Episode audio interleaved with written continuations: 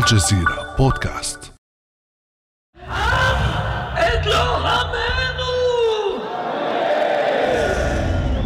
بقبعاتهم السوداء ومعاطفهم الطويلة وقد تدلت عليها جدائل الشعر الطويل ونساؤهم من خلفهم يرتدين البرقع الكامل.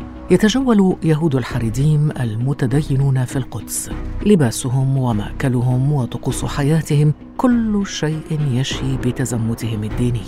وعلى الطرف الآخر من عالم المتدينين المتشددين في إسرائيل وتحت حماية شرطة الاحتلال الإسرائيلي من قلب القدس تسمع هذه الهتافات.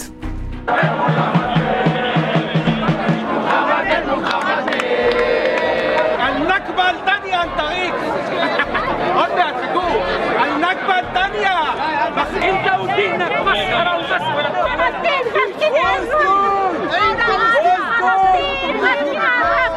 فلسطين وتتفق كل من الجماعات الحريدية والصهيونية بكافة توجهاتها على الدعوة للاستيطان.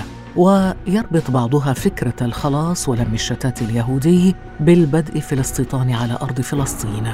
فمن هي الجماعات الحريدية؟ وكيف نشأت في إسرائيل؟ وما هي أفكارها وتوجهاتها؟ وما علاقتها بالدولة وبالأحزاب الصهيونية؟ وكيف لعبت اتجاهاتهم الفكرية دورا في إقامة إسرائيل؟ وكيف استفادت المؤسسة الإسرائيلية منهم؟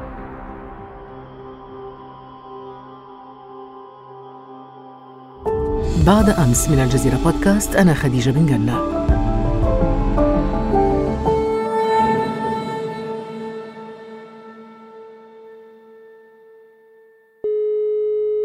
يسعدني أن أستضيف معي في هذه الحلقة الأستاذ سعيد بشارات الباحث بالشأن الإسرائيلي والمتخصص في الجماعات الحريدية. أهلا وسهلا بك أستاذ سعيد بشارات.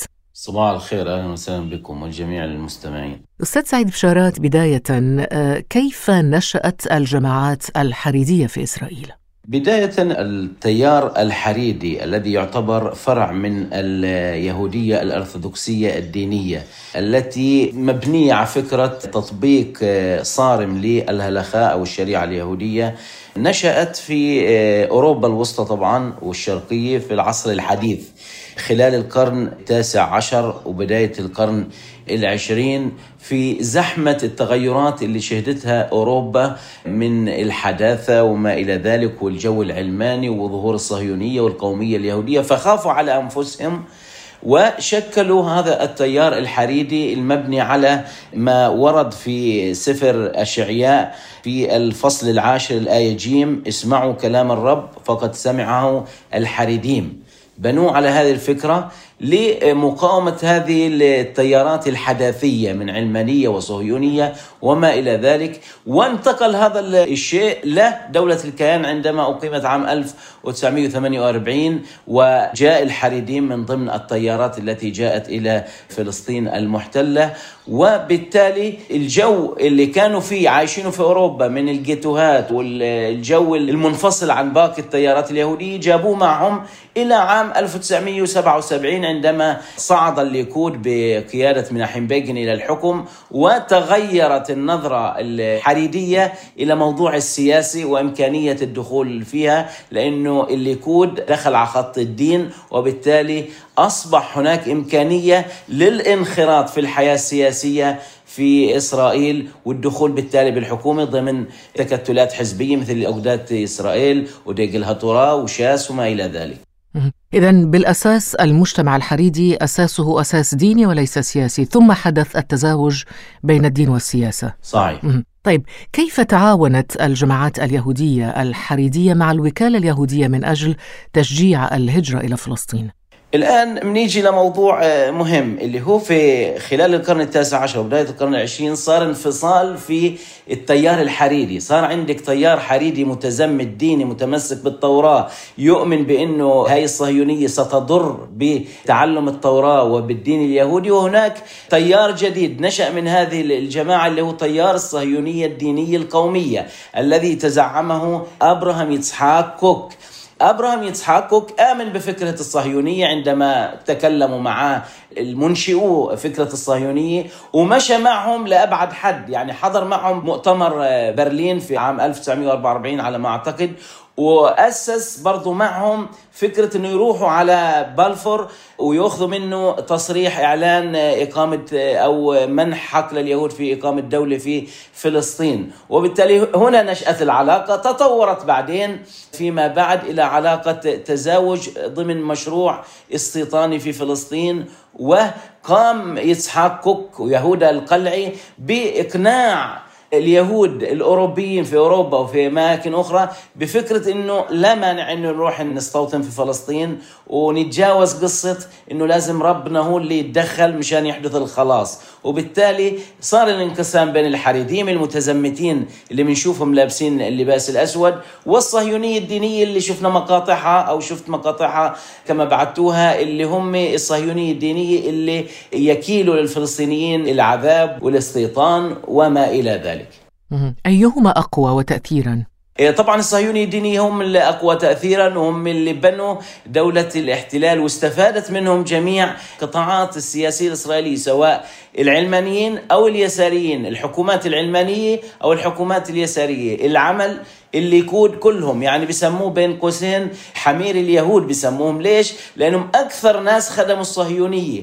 هم من أقاموا الاستيطان في سيناء. هم من حمل على كأهلهم مشروع إقامة الاستيطان في غزة والضفة الغربية. هم اللي أقاموا أول بؤرة استيطانية في الخليل. رغم ظاهريا طبعا معارضة الحكومة اليسارية اللي كانت في أيامها يسارية كانوا معارضوا إقامة الاستيطان مثلا في الخليل لكن شافوها ظابطة الشغلة إنه يستغلوا هذول بإقامة الاستيطان فسمحوا لهم. فبتروح مثلا في الخليل كيف أقيمت مستوطنة كريات أربع أجت مرة من الصهيونية الدينية مات ابنها دفنت ابنها بدي أدفنه عند مغارة المكفلة اللي هو الحرم الإبراهيمي. ومن هناك سووا مستوطنة. القبر بده حراسة. جابوا لهم جنود. الجنود هذول قالوا يا عمي بدنا نطول هون. فبنوا المستوطنة. والفكرة أعجب فيها المستوى السياسي ونقلها إلى نابلس مثلا. إلى ألون موري وكرني شمرون وهاي المستوطنات. وبالتالي الصهيونية الدينية القومية هي أكثر تيار استفادت منه حكومات دولة الاحتلال في ترسيخ قدمها في فلسطين سواء قبل 48 حتى عندما جاء أبراهام يتسحاق كوك عام 1903 إلى يافا وتزعم المدارس الدينية وكان هو شيخ أو حاخام المستوطنات الفتية أو المشافيم المشافي الأول في فلسطين ومن هناك انطلق في توسيع دائرة الاستيطان وجذب المزيد من المقتنعين بفكرته من المتدينين خاصة. وانتشروا أين تحديدا أستاذ سعيد؟ يعني لو تطلعنا على الخارطة الديمغرافية للحريديين. طبعا الحريديين يشكلوا 13% من مجموع سكان إسرائيل ونحو 16% من سكان من السكان اليهود آه، في إسرائيل. يبلغ عددهم تقريبا مليون ومئة ألف. أكثر أماكن تجمعهم هي في آه، مئة شعاريم في القدس. بيتار عيليت برضو في القدس آه، لكن خارج الخط الأخضر يعني في ضمن أراضي الضفة الغربية في بيت شيمش في مودعين في كفار سابا في هذه المناطق أكبر تجمعاتنا. طبعا في بني براك وهي أكبر تجمع لهم.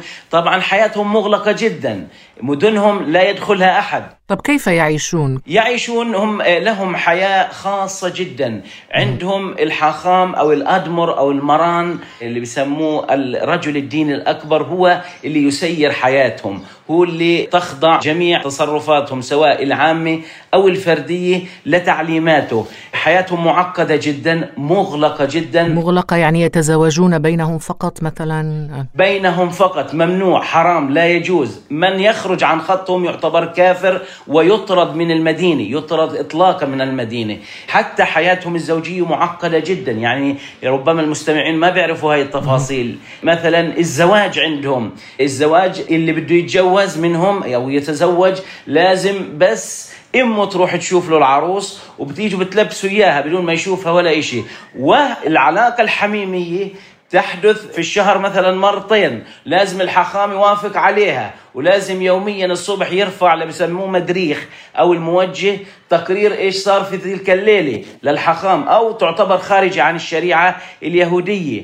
فهم حياتهم معقدة سواء اقتصاديا الرجال بلشانين في التوراة مشغولين بدراسة التوراة والتعمق فيها بيشتغلوش عايشين على الصدقات. المرأة في بيتها بتطلعش كثير. ينجبون الكثير من الأطفال أيضا. ينجبون الكثير أعلى نسبة مواليد عند الحريديم. تبلغ ست أضعاف الأسرة العادية في إسرائيل نسبة مواليد عالية. وفي نفس الوقت فقر مدقع جهل عميق جدا. حتى دولة الاحتلال لا تجعلهم يشاركوا في المسابقات الدولية. لو بيشاركوا في المسابقات الدولية مثلا المتعلقة بالإنجليش بالرياضيات بالأمور التكنولوجي ما بيخلوهم يشاركوا فيها عشان ما ينزل مستوى ترتيب إسرائيل في العالم. أو ربما خوفا من خج صورة إسرائيل. صحيح صحيح. خدش صورتها إظهارها بأنها جاهلة لأنهم جهله هم حتى دراسة ما بيدرسوش. خلص هو شغلته توراه ما بيعرف كيمياء ما بيعرف فيزياء ما بيعرف سياسة. يعني مش متعلمين. أغلبهم غير متعلمين. في بنقدر نقول بعد 1999 صار هناك جيل آه، بسموه آه، حريدين مودرنيم اللي هم الحريدين الحداثيين اللي دخلوا على خط التكنولوجيا على خط عرض الأزياء على خط آه، كان محرم عندهم لكن انفصلوا عن فكر الحاخام الأكبر. وطبعا هذول كفروهم وطردوهم لكن بدي أحكي لك إنه حدث تغير في نظرتهم للحياة للاندماج في المجتمع لحمل الجوال. عندهم الجوال لا يجوز تحمله. طيب على ذكر كفروهم يعني هنا ربما نتوقف عند مصطلح التكفير. من الذي يملك السلطة الدينية في التكفير؟ ويعني التوزيع إن صح التعبير الشهادات الدينية على هؤلاء. مثلا الأدمر إذا قرر إنه واحد خرج عن الصف الديني تاعهم مثلا آه، زوجي تمردت على قصة الزواج قصة المعاشرة قصة الحاخامة والأدمر الطائفي بخرجها من الملة بسموها حزر بتشوفاه. أي كفر خرج عن الملة لا يجوز له البقاء ضمن الصف الحريدي بالتالي الحاخام الأكبر للطائفة طبعا هناك حاخامات لكل طائفة خاصة في التيارات الحسيدية. إحنا يوم نحكي حريديم هم تقريبا أكثر من 55 نوع. في عندك برنسلاف ساتمار ناتوليكارتا وعدة أسماء وكلها إلها أدمر. هذا الأدمر هو من يكفر هو من يعطي صكوك الغفران. مثلا واحد عاد ورجع إلى الدين هو من يقبله واحد عادة إلى الدين هو من يقرر أنه يلا مشوا لها الموضوع. فهذا الجو اللي هم عايشين اللي بيكفر هو الحاخام. إذا الحاخام يلعب دور كبير في هذه الجماعات. يلعب دور كبير ولا يستطيع أحد أن يؤثر على قراره. لا شرطة ولا قضاء ولا قانون ولا شيء. انطرد انطرد. خلص فيش فيش مراجعة. ليس في هناك عند فيش استئناف يعني خلينا نسميها بالمصطلح العلمي. هنا نسأل أيضا أستاذ سعيد إن كان هناك عنصرية داخل الحريدية نفسها فيما يتعلق بالحريديين الأشكناز والسفردين مثلا؟ العنصرية أصلا قائم تركيب الطوائف في إسرائيل على العنصرية. مثلا هناك الليتائيم أو الليتوانيين الحريديم الليتوانيين منفصلين مكانا وفكرا وحزبا عن أي تيار أخرى مثلا عن اجودات هاتورا. هاي بتتبع للتيار الحسيدي اللي بتمثله جور. الليتوانيين بيتبعوا لديجل هاتورا اللي كان زعيمهم حييم كانيفسكي وقبله شتاينمن. هذول الجماعة عنصريين جدا. عندك السفرديم ما بيطيقوش الإشكنازيم. الليتوانيين ما لهمش علاقة في مثلا سكان عسقلان اللي بيمثلوا خط الحريديم اليمنيين أو المغاربي خلينا نسموهم. مناطقيا مفرقين عنصريين بيطيقوش بعض. دينيا طائفيا بالنسبة لما يفكروا فيه. والتزام بالتوراة. أيضا متزمتين وبيكرهوا بعض. وفي هناك حاخامة كبار محاربين بعض. يعني يوم يصير لقاء بين حاخام وحاخام كانوا محاربين بعض بصير عرس وزفة وحفلة كبيرة إنه التقوا لأول مرة من عشر سنين عشرين سنة بسبب خلافات يعني تافهة. والله قرأ أو سمح بأنه الجاجي مثلا اللي يطلب اللي تلف على الرأس في عيد الغفران كانت لونها كذا. يعني شغلات آه، نقاشات عقيمة في هذا الإطار. فهم عنصريين جدا مكانيا من حيث سكنهم. ابن براك مرتبطة بطيار معين أكثر وأغلبه لتواني حسيدي. بيت شامش مثلا أقل تدينا مثلا إلها طيار آخر خلينا نسميه لتعين شاس. وبالتالي هم مكانيا وفكريا وطائفيا وعرقيا في تشاكس بينهم وعدم انسجام وعنصرية في التعامل الداخلي. لذلك إحنا بنشوفهم نوعيات. مثلا شاس لحالها ما حد بيدخل غير الشرقيين في شاس. ديجل هاتورا ليتوانيين.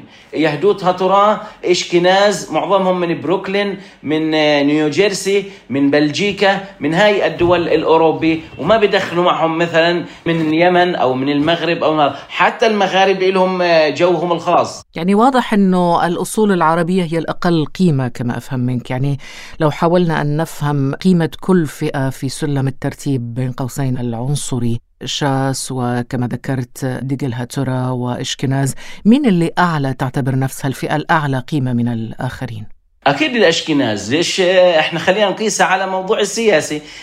مثلا الطائفة اليمنية وين موجودة حاليا في الحاله السياسية الإسرائيلية؟ في قعر السلم. لذلك قيسي عليها الموضوع الحريري. مين هم اللي ماخذين الجو؟ مين هم اللي بيقرروا؟ مين اللي كانت معهم حقيبة لجنة المالية في الكنيست؟ كلهم من الجماعات الدينية الحريرية اللي جاي من أوروبا. إشكناز. اللي بتمثل طبقة الشقراء خلينا نسميها أو البيضاء آه، عالية البياض خلينا. ما بيقبلوا مثلا آه، يقودهم ناس من المغرب. أبو حتصيرة مثلا اللي يقودهم حاخامات من أبو حتصيرة والمغربي وكذا. ما بيخلوهم مش يكونوا هم في الصدارة حتى الدينية. مثلا الحاخام الأكبر دائما من الطائفة الإشكنازية اللي هم اللي بيلبسوا الطاقية الغربية هاي مش اللي, اللي بتكون زي الفرو السوداء. ما بيخلوا واحد مثل عوفاديا يوسف هو اللي يمسك الحاخامية الكبرى. تأثير الديني لهي الطوائف الإشكنازية هي الأعلى. تملك القدرة على التأثير على كل شيء اللي بحجوا لها السياسيين أفيغدور ليبرمان نتنياهو بيروحوا بيبوسوا إيدهم يحصلوا على البركات من هناك. أيضا يحصلوا على المال لأنهم بيشتغلوا في الصدقة ويجمعوا كميات هائلة من الأموال. أيضا هذول بيستفيدوا من السياسيين وبتقربوا إلهم. عكس التيارات الحريدية اللي هي قادمة من دول عربية مثل العراق، إيران، المغرب، اليمن وبعض دول أخرى في الشرق الأوسط، لذلك طبعا الأشكناز هم المسيطرين وهم لهم غلبة دينية على مؤسسات الدولة الرسمية الدينية وعلى التأثير على السياسة والدين والفتوى. لكن أستاذ سعيد بشارات حجم تأثيرهم في السياسة الإسرائيلية وفي الكنيست في الحكومة في المشهد السياسي الإسرائيلي بشكل عام، كيف تراه؟ إيه، طبعا التأثير السياسي للتيارات الحريدية مرتبط بمدى استفادتهم. هم دخلوا في السياسة الإسرائيلية عام 1977 عندما دخل الليكود وأقنعهم في فكرة السياسي دخلوا لمصالحهم الخاصة وتنكروا لمبادئهم الدينية الأيديولوجية اللي بتقول لك مش وقته ندخل في السياسي وبدناش نشتغل شغل ربنا لأنه ربنا اللي بده يحقق لنا الخلاص. والفداء. لذلك إحنا مناش نستعجل لكن لفوا عملوا إنه يجب أن ندخل في هذا الدخل عشان نزيد ميزانياتنا وندخل في لذلك اليوم زاد تأثيرهم السياسي. اليوم أسقطوا حكومة. ليش؟ لأنهم بدهم مش يدخلوا في الجيش. اليوم الكل بحج عندهم وبطلب ودهم سواء الليكود أو حتى الوسط أو اليسار أو حكومة نفتالي بنت مع إنهم رفضوا يروحوا معاه. لكن اللي أقوى منهم في التأثير في السياسة هم التيار الصهيونية الدينية اللي حكينا عنها إنه استخدموها في فترة من الفترات أداة لممارسة كل أدوات الاحتلال خاصة في الضفة الغربية والسيطرة على الأراضي. فهم